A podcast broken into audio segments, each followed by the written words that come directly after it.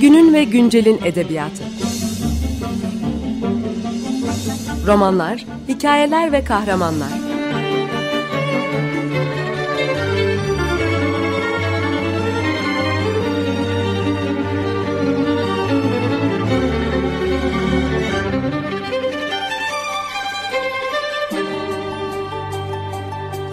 Hazırlayan ve sunan Seval Şahin.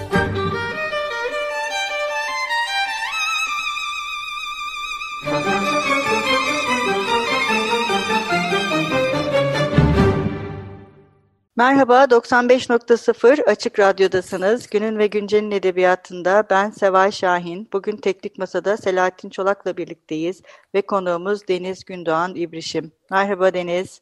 Merhaba. Deniz'le geçen hafta eko eleştiri üzerine konuşmaya başlamıştık. Bu hafta programımıza devam ediyoruz. Geçen haftaki e, programımızda eko eleştirinin ne olduğundan, e, tarihi sürecinden ve alt dallarından bahsetmiştik. E, onlara da yine bu programda zamanımız kalırsa değineceğiz ama e, şimdi biraz e, geçen haftada Deniz programı bitirirken bu işin bir de Türkiye ayağı var demişti. e, şimdi eko eleştirinin biraz e, Türkiye'deki e, sürecini, tarihini e, konuş, konuşarak başlayacağız e, programımıza. Evet Deniz söz sende. Teşekkür ederim Seval. Ee, aslında eko eleştiri Amerika'da e, özellikle 70 8'ler 80'lerde ilk e, konuşmaya başladıktan sonra 90'larda disiplin olarak yerleşmeye başladığını konuşmuştuk senle. E, Türkiye'ye baktığımızda da e, bu 2000'lerin ilk yarısına denk gel geliyor aslında. E, özellikle 2009 yılında Türkiye'de e, bir konferans düzenleniyor. E, Serpil Hoca hatta Serpil Operman'ın düzenlediği e, Ekoleştirin Geleceği Yeni Ufuklar adlı bir konferans e, düzenleniyor ve tabii ki bunun e, ta, takibinde yayınlanan yayınlanan aynı başlıklı bu kitap e, ekoleştirinin Türkiye'deki ayağı, Türkiye'de özellikle disiplin olarak yerleşmesinde e, çok önemli bir kaynak teşkil ediyor. Ee, ben gene araştırırken yaptığım çalışmalarda da rastladım. Mesela şey çok kıymetli, Burcu Karahan'ın Yeşillenen Edebiyat Eleştirisi. 2002'de yayınlanıyor. Dilek Bulut'un Çevre ve Edebiyat yeni bir yazım kuramı olarak Eko Eleştiri var. Gene 2005'lerde yayınlanıyor. Ee, Türkiye'ye e, Eko Eleştiriyi e, aslında yani ithal demeyelim ama e, hem Türkiye süzgecinden geçirerek hem de Amerika ve Avrupa'da yapılan kuramsal ve metodolojik çalışmalardan beslenerek Türkiye Türkiye'deki ayağı oluşturuyor. Evet, Nergis Hoca da e, vardı. Galiba. Nergis, evet, Nergis Hoca'nın da var.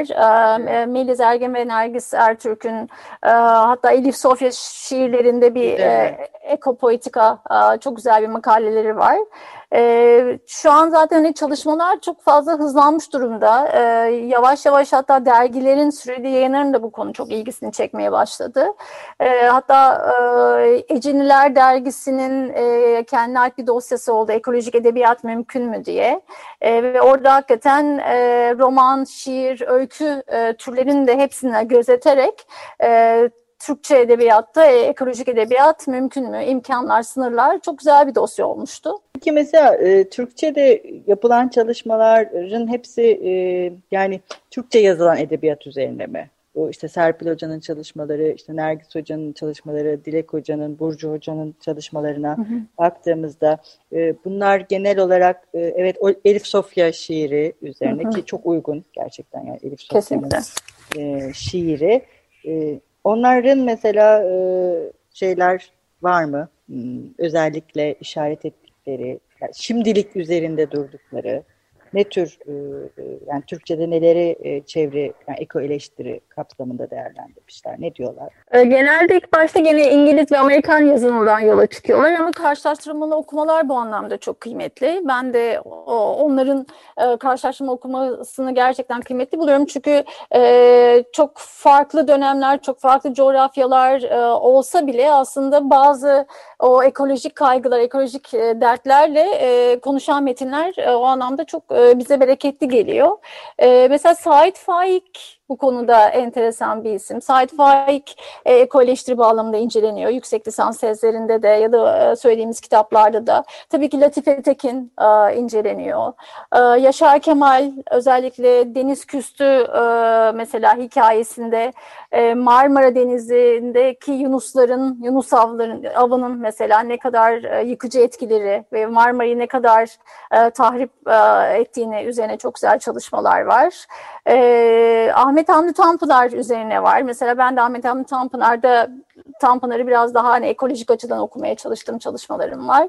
E, aslında her metne, e, geçen programda da seninle konuştuk, her metne bir açıdan, e, ekolojik açıdan yaklaşılabiliyoruz. Ama e, şu an e, özellikle işte Latife Tekin, Elif Sofya şairlerden, e, Asuman Susam e, gibi şairleri e, çok fazla ekolojik eleştiri bağlamında mercek altına alıyoruz. Evet mesela benim aklıma ben Bilge Karasu geliyor. Kesin ee, evet. Evet ben ben kendim de yazdım böyle bir şey çünkü yakın zamanda henüz yayınlanmadı ama bir e, Bilge Karasu hı hı. Bu, yani tam da bu konuştuğumuz her şeyi işte insan bedeninin e, geçen programı da bedenle bitirmiştik. Hani bedenin sadece e, biyolojik bir şey değil birçok şeyin e, karışımı olduğu ve aslında bunun tabii bir taraftan e, mitolojiyle ve tarihle de bir şeyi var. Yeni tarih, yeni materyalizm biraz oraya da gidiyor sanırım. Çünkü yeni bir e, tarihsellik de beraberinde e, geliyor. Yani biz kendi varlığımızı, dünya üzerindeki varlığımızı da hem insan olarak hem de doğanın e, artık bir parçası mı diyeyim, eko eleştiri olunca bir parçası mıyız yoksa hani o doğanın yaptığı bir şey miyiz? E, o da herhalde yapmak da işin içine giriyor. E, sanki insanın kendi varlığıyla kurduğu ilişkiyi e, düşünmek için de eko eleştiri e, yeni bir e, yol öneriyor ya da biz bu metinlere baktığımızda aslında başka yolların da e, edebiyat yani o metni üreten kişiler farkında olsun ya da olmasın sunduklarını görebiliyoruz mu? Böyle bir şeyden bahsedebilir miyiz? Aslında evet çünkü çok varoluşsal bir e, düzlemde de ilerliyor ekoleştiri. Bilge Karasu'yu söylemen çok e, güzel yerinde oldu. Çünkü 2019 yılında e, bu Türkçe edebiyat e, ve ekoleştiri bağlamında çok kıymetli bir kitap çıktı. E, Hande Gürses ve Irmak Ertan'ın derlediği e, İngilizce olarak yayınlandı. Routledge'dan çıktı. Animals, Plants and Landscapes, Ecology of Turkish Literature kitabında. E, ben de orada Bilge Karasu ve Sema Kargız üzerine e, bir e, bölümle katkıda bulunmuştum kitaba. E, ve Bilge Karasu'yu da şu anlamda incelemiştim. Gerçekten varoluşsal olarak bir e, ekoetikle e, metinlerde beden yer alıyor. Yani doğanın evet bir parçasıyız e, ama gerçekten e, hatta uzun sürmüş bir günün akşamında e, karakterlerin e, o çakıllara yatarak e, o bedenin tamamen işte dereye gömerek ayağını tamamen e, ağaca vererek yani onunla tamamen bir bütün olması aslında e, insanın e, kendi e, zihinsel dünyasında doğadan çok ayrı bir yerde konumlanması değil ama e, bütün travmalarıyla, bütün getirdiği bütün tecrübeleriyle e, o dolaşıklığı aslında altını çizmesi bu anlamda çok önemli. O yüzden ben biraz ekolojik e, eleştiriyi e, ve takibinde ekoetiği biraz varoluşsal durum olarak da e, görüyorum. Evet bir de şey de var sanırım bu tür e, bilim kurgu edebiyatı da değil mi? E, eko eleştiri özellikle beden işte bu sen geçen programda da bahsetmiştin hani bir nevi cyborguz aslında biz hani cyborg nedir e, hikayesi. Bilim kurgu edebiyatı yani 19. yüzyıldan bu yana ki hatta daha da eskiye gittiğimizde gerçekten çok iyi bir malzeme sunuyor diyebilir miyiz bu tarz e, okumalara? Yani özellikle bilim kurgu çünkü hem başka bir dünya tasavvuru ne olursa olsun hani e, muhafazakar bir yerden bile baksa sonuçta başka bir dünya tasavvuru ediyor. Yani var olan dünyanın dışında başka bir dünya tasavvuru işte yeni bir varlık şeklini e, bütün bir bedeni ve e, yaşadığımız kodları farklı bir şekilde e, düşünmeyi beraberinde getiriyor. Yani ne dersin bilim kurguda e, uygun bir tür mü? Özellikle uygun diyebilir miyiz evet. ya da? Diyebiliriz. Bilim kurgu ve spekülatif kurgu aslında bütün öznenin de sınırlarını tamamen değiştiren ve yeniden kurgulayan, e, coğrafyanın da, ulusal sınırların da, evin de sınırlarını e, değiştiren bir yapıya sahip e, bir, bir tür. Hatta evin sadece dört duvar olmadığını, yeryüzünün aslında evimiz olduğunu, o ikos, o habitatımız, e, beraber yaşadığımız, içinde yaşadığımız habitatımızın ev olduğunu e, ama evimize de çok e, kötü şeyler ettiğimizi insan olarak ve bir tür olarak o, o gerçekten e, evimizi çok yıkıp yıktığımızı bize geri yansıtan e, bir tür bilim kurgu e, ve spekülatif kurgu. O yüzden e, bunun ekoeleştiri e, kapsamında da bize çok fazla imkanlar sunduğunu söylemek mümkün. Ursula Le Guin'i çok güzel örnek verebiliriz. Margaret Atwood'u çok güzel örnek verebiliriz bu bağlamda. Evet, e, yine bir ara verelim istersen bu programda da. Deniz, bugün ne çalalım, ne istersin? Yeryüzü evimizden bahsetmişken Altın Günden gelsin, Koca Dünya gelsin o zaman. Merhaba, 95.0 Açık Radyo'dasınız. Günün ve Güncel'in edebiyatında ben Seval Şahin, Deniz Gündoğan, İbrişim'le birlikteyiz ve e, eko eleştiriyi konuşuyoruz. Programımızın e, ilk bölümünde e, Türkçedeki eko eleştiri literatürünü, ekokritizm literatürünü e, konuştuk e, ve e, hangi yazarlar, e, hangi şairler üzerine e, çalışmalar yapıldığından e, bahsettik. E, şimdi Deniz biraz da e, istersen e, bu programımızın bu ikinci kısmında bu kadar bahsettik. Yani nasıl ortaya çıktığı, nasıl araştırmalar yapılıyor, kimler ne yapmış. Ya sen ne önerirsin mesela? Yani bu alanda özellikle Türkiye'de neler yapılması gerekiyor? Yani hangi e, temalara dikkat kesilelim? Yani hangi türler, e, hangi yazarlar? E, belli ki yapılacak çok iş var yani henüz değil mi Türkiye'de bu konuda? E, evet yani e, belli bir farkındalıkla aslında gelişen e, bir eleştiri türü oldu. Türkiye'de de e, yaşadığımız onca e, çevresel yıkım, çevresel tahribat özellikle son yıllarda çok sürat kazandı. Ve bu süratle birlikte aslında e, edebiyatçıların, işte kültürel araştırmacıların, sanatçıların e, belli bir gerçek e, duyarlılığı da gelişti. Ve bunu aslında her alanda da görebiliyoruz. Hani e, İstanbul mesela geçen sene İstanbul Bienalinin konusu antroposendi ve e, ve nasıl daha adaletli bir dünyada yaşarız? E, insanın diğer canlılarla ilişkisinin mer insan merkezci olmayan bir bakışla nasıl tahayyül edebiliriz? E, bu aslında her alana yavaş yavaş yayılmakta. Ama pratik anlamda daha aslında çok fazla e, şey yapılması gerekiyor ya da belki biraz daha e, farkındalığı arttıran e, konferanslar, işte yazı dizileri, kitap çalışmaları ve kolektif çalışmalar aslında e, çok kıymetli oluyor. E, ben biraz daha o kolektiviteyi bu anlamda önemsiyorum. E, hem akademisyenlerin birbiriyle e, e, çalışması kolektif anlamda hem de disiplinlerin bir şekilde e, birbirine destek vermesi. Yani sadece eko edebiyatın alanında değil aslında e, sanatın da, sosyolojinin de, antropolojinin de, e, diğer iletişim çalışmalarında, yeni medya dediğimiz şu an çalışmalarda da aslında el ele gitmesi gerekiyor. Ben daha çok üretmek ve daha çok bu konuda söz üretmek ve kolektif iş yapmaktan yanayım o anlamda.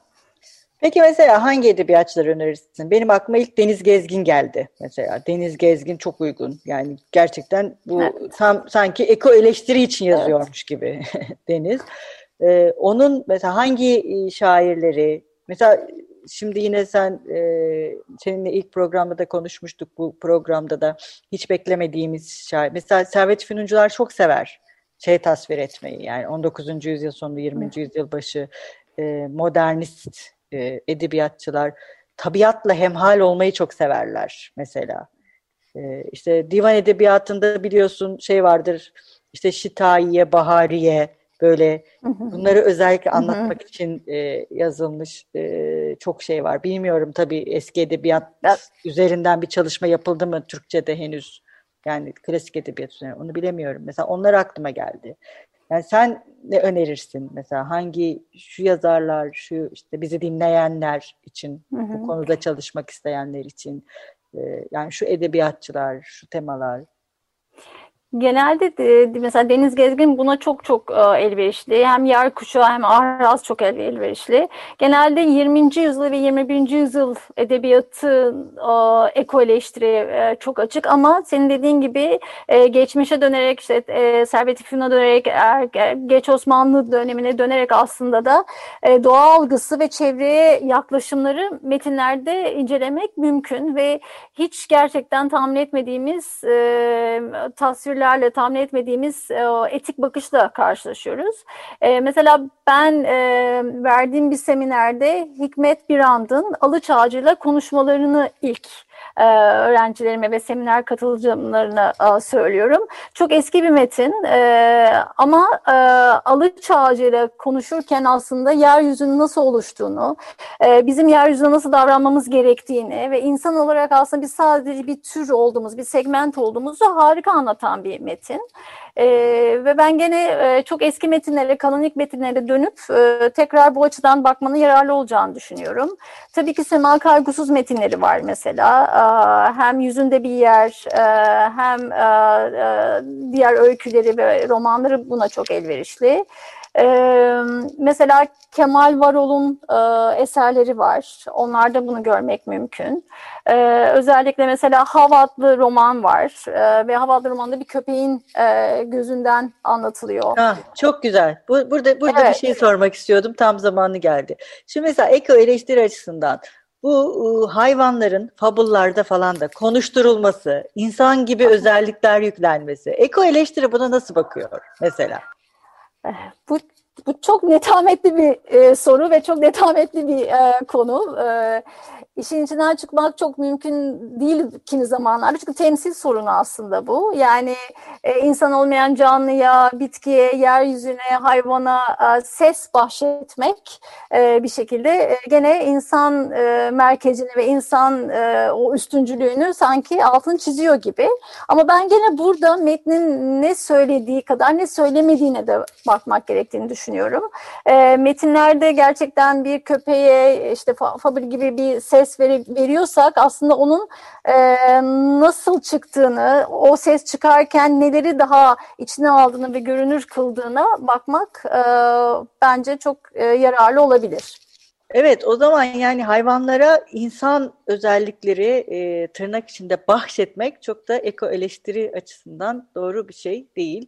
Aslında bu hani senin ilk programda da söylediğin bir nevi e, sömürge sonrasında nasıl e, bu işin yaygınlaşmaya başlaması gibi bir nevi insanların bütün e, kendileri dışındaki varlıkların her birine kendileriymiş gibi davranmaları ve onları kendileri olarak algılamak aslında bir nevi yine sömürgecilik. Yani sömürgenin sömürmeye gittiği yeri anlamaya çalışmak yerine hani ben buraya medeniyet getiriyorum diye kendisini dayatmasının e, bir başka e, yansıması da e, insanların kendileri dışındaki varlıklara uyguladıkları bir e, şiddet şekli. Bu senin hep bahsettiğin yavaş şiddet biraz bununla mı bağlantılı eko eleştiride?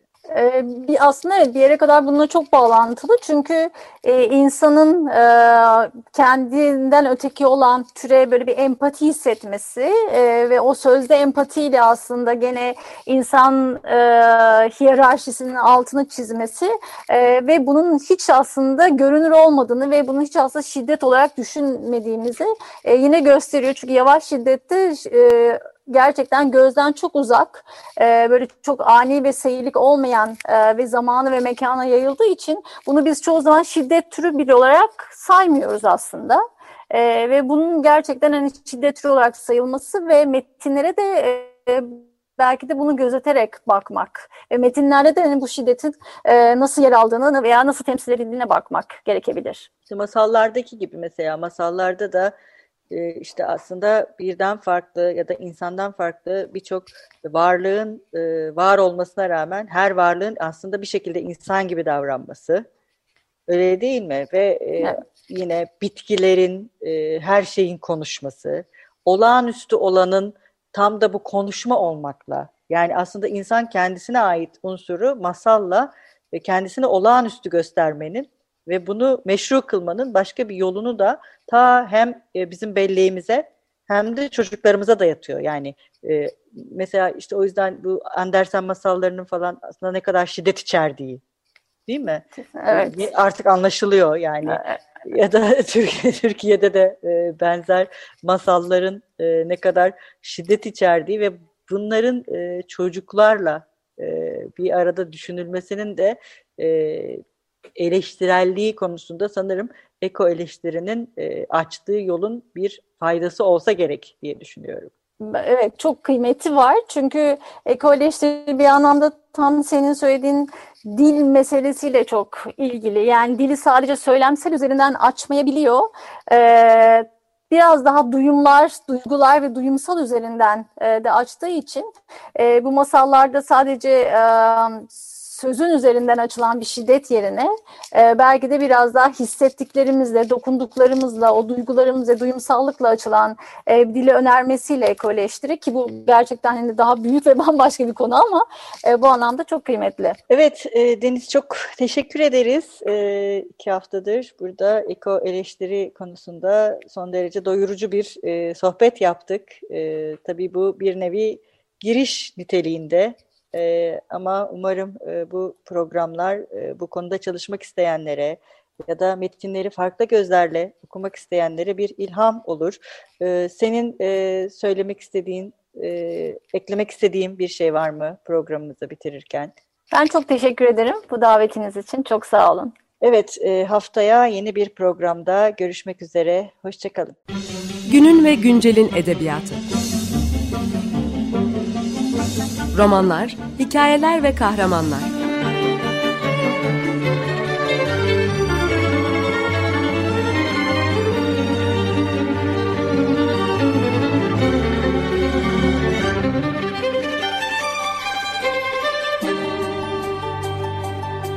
Hazırlayan ve sunan Seval Şahin.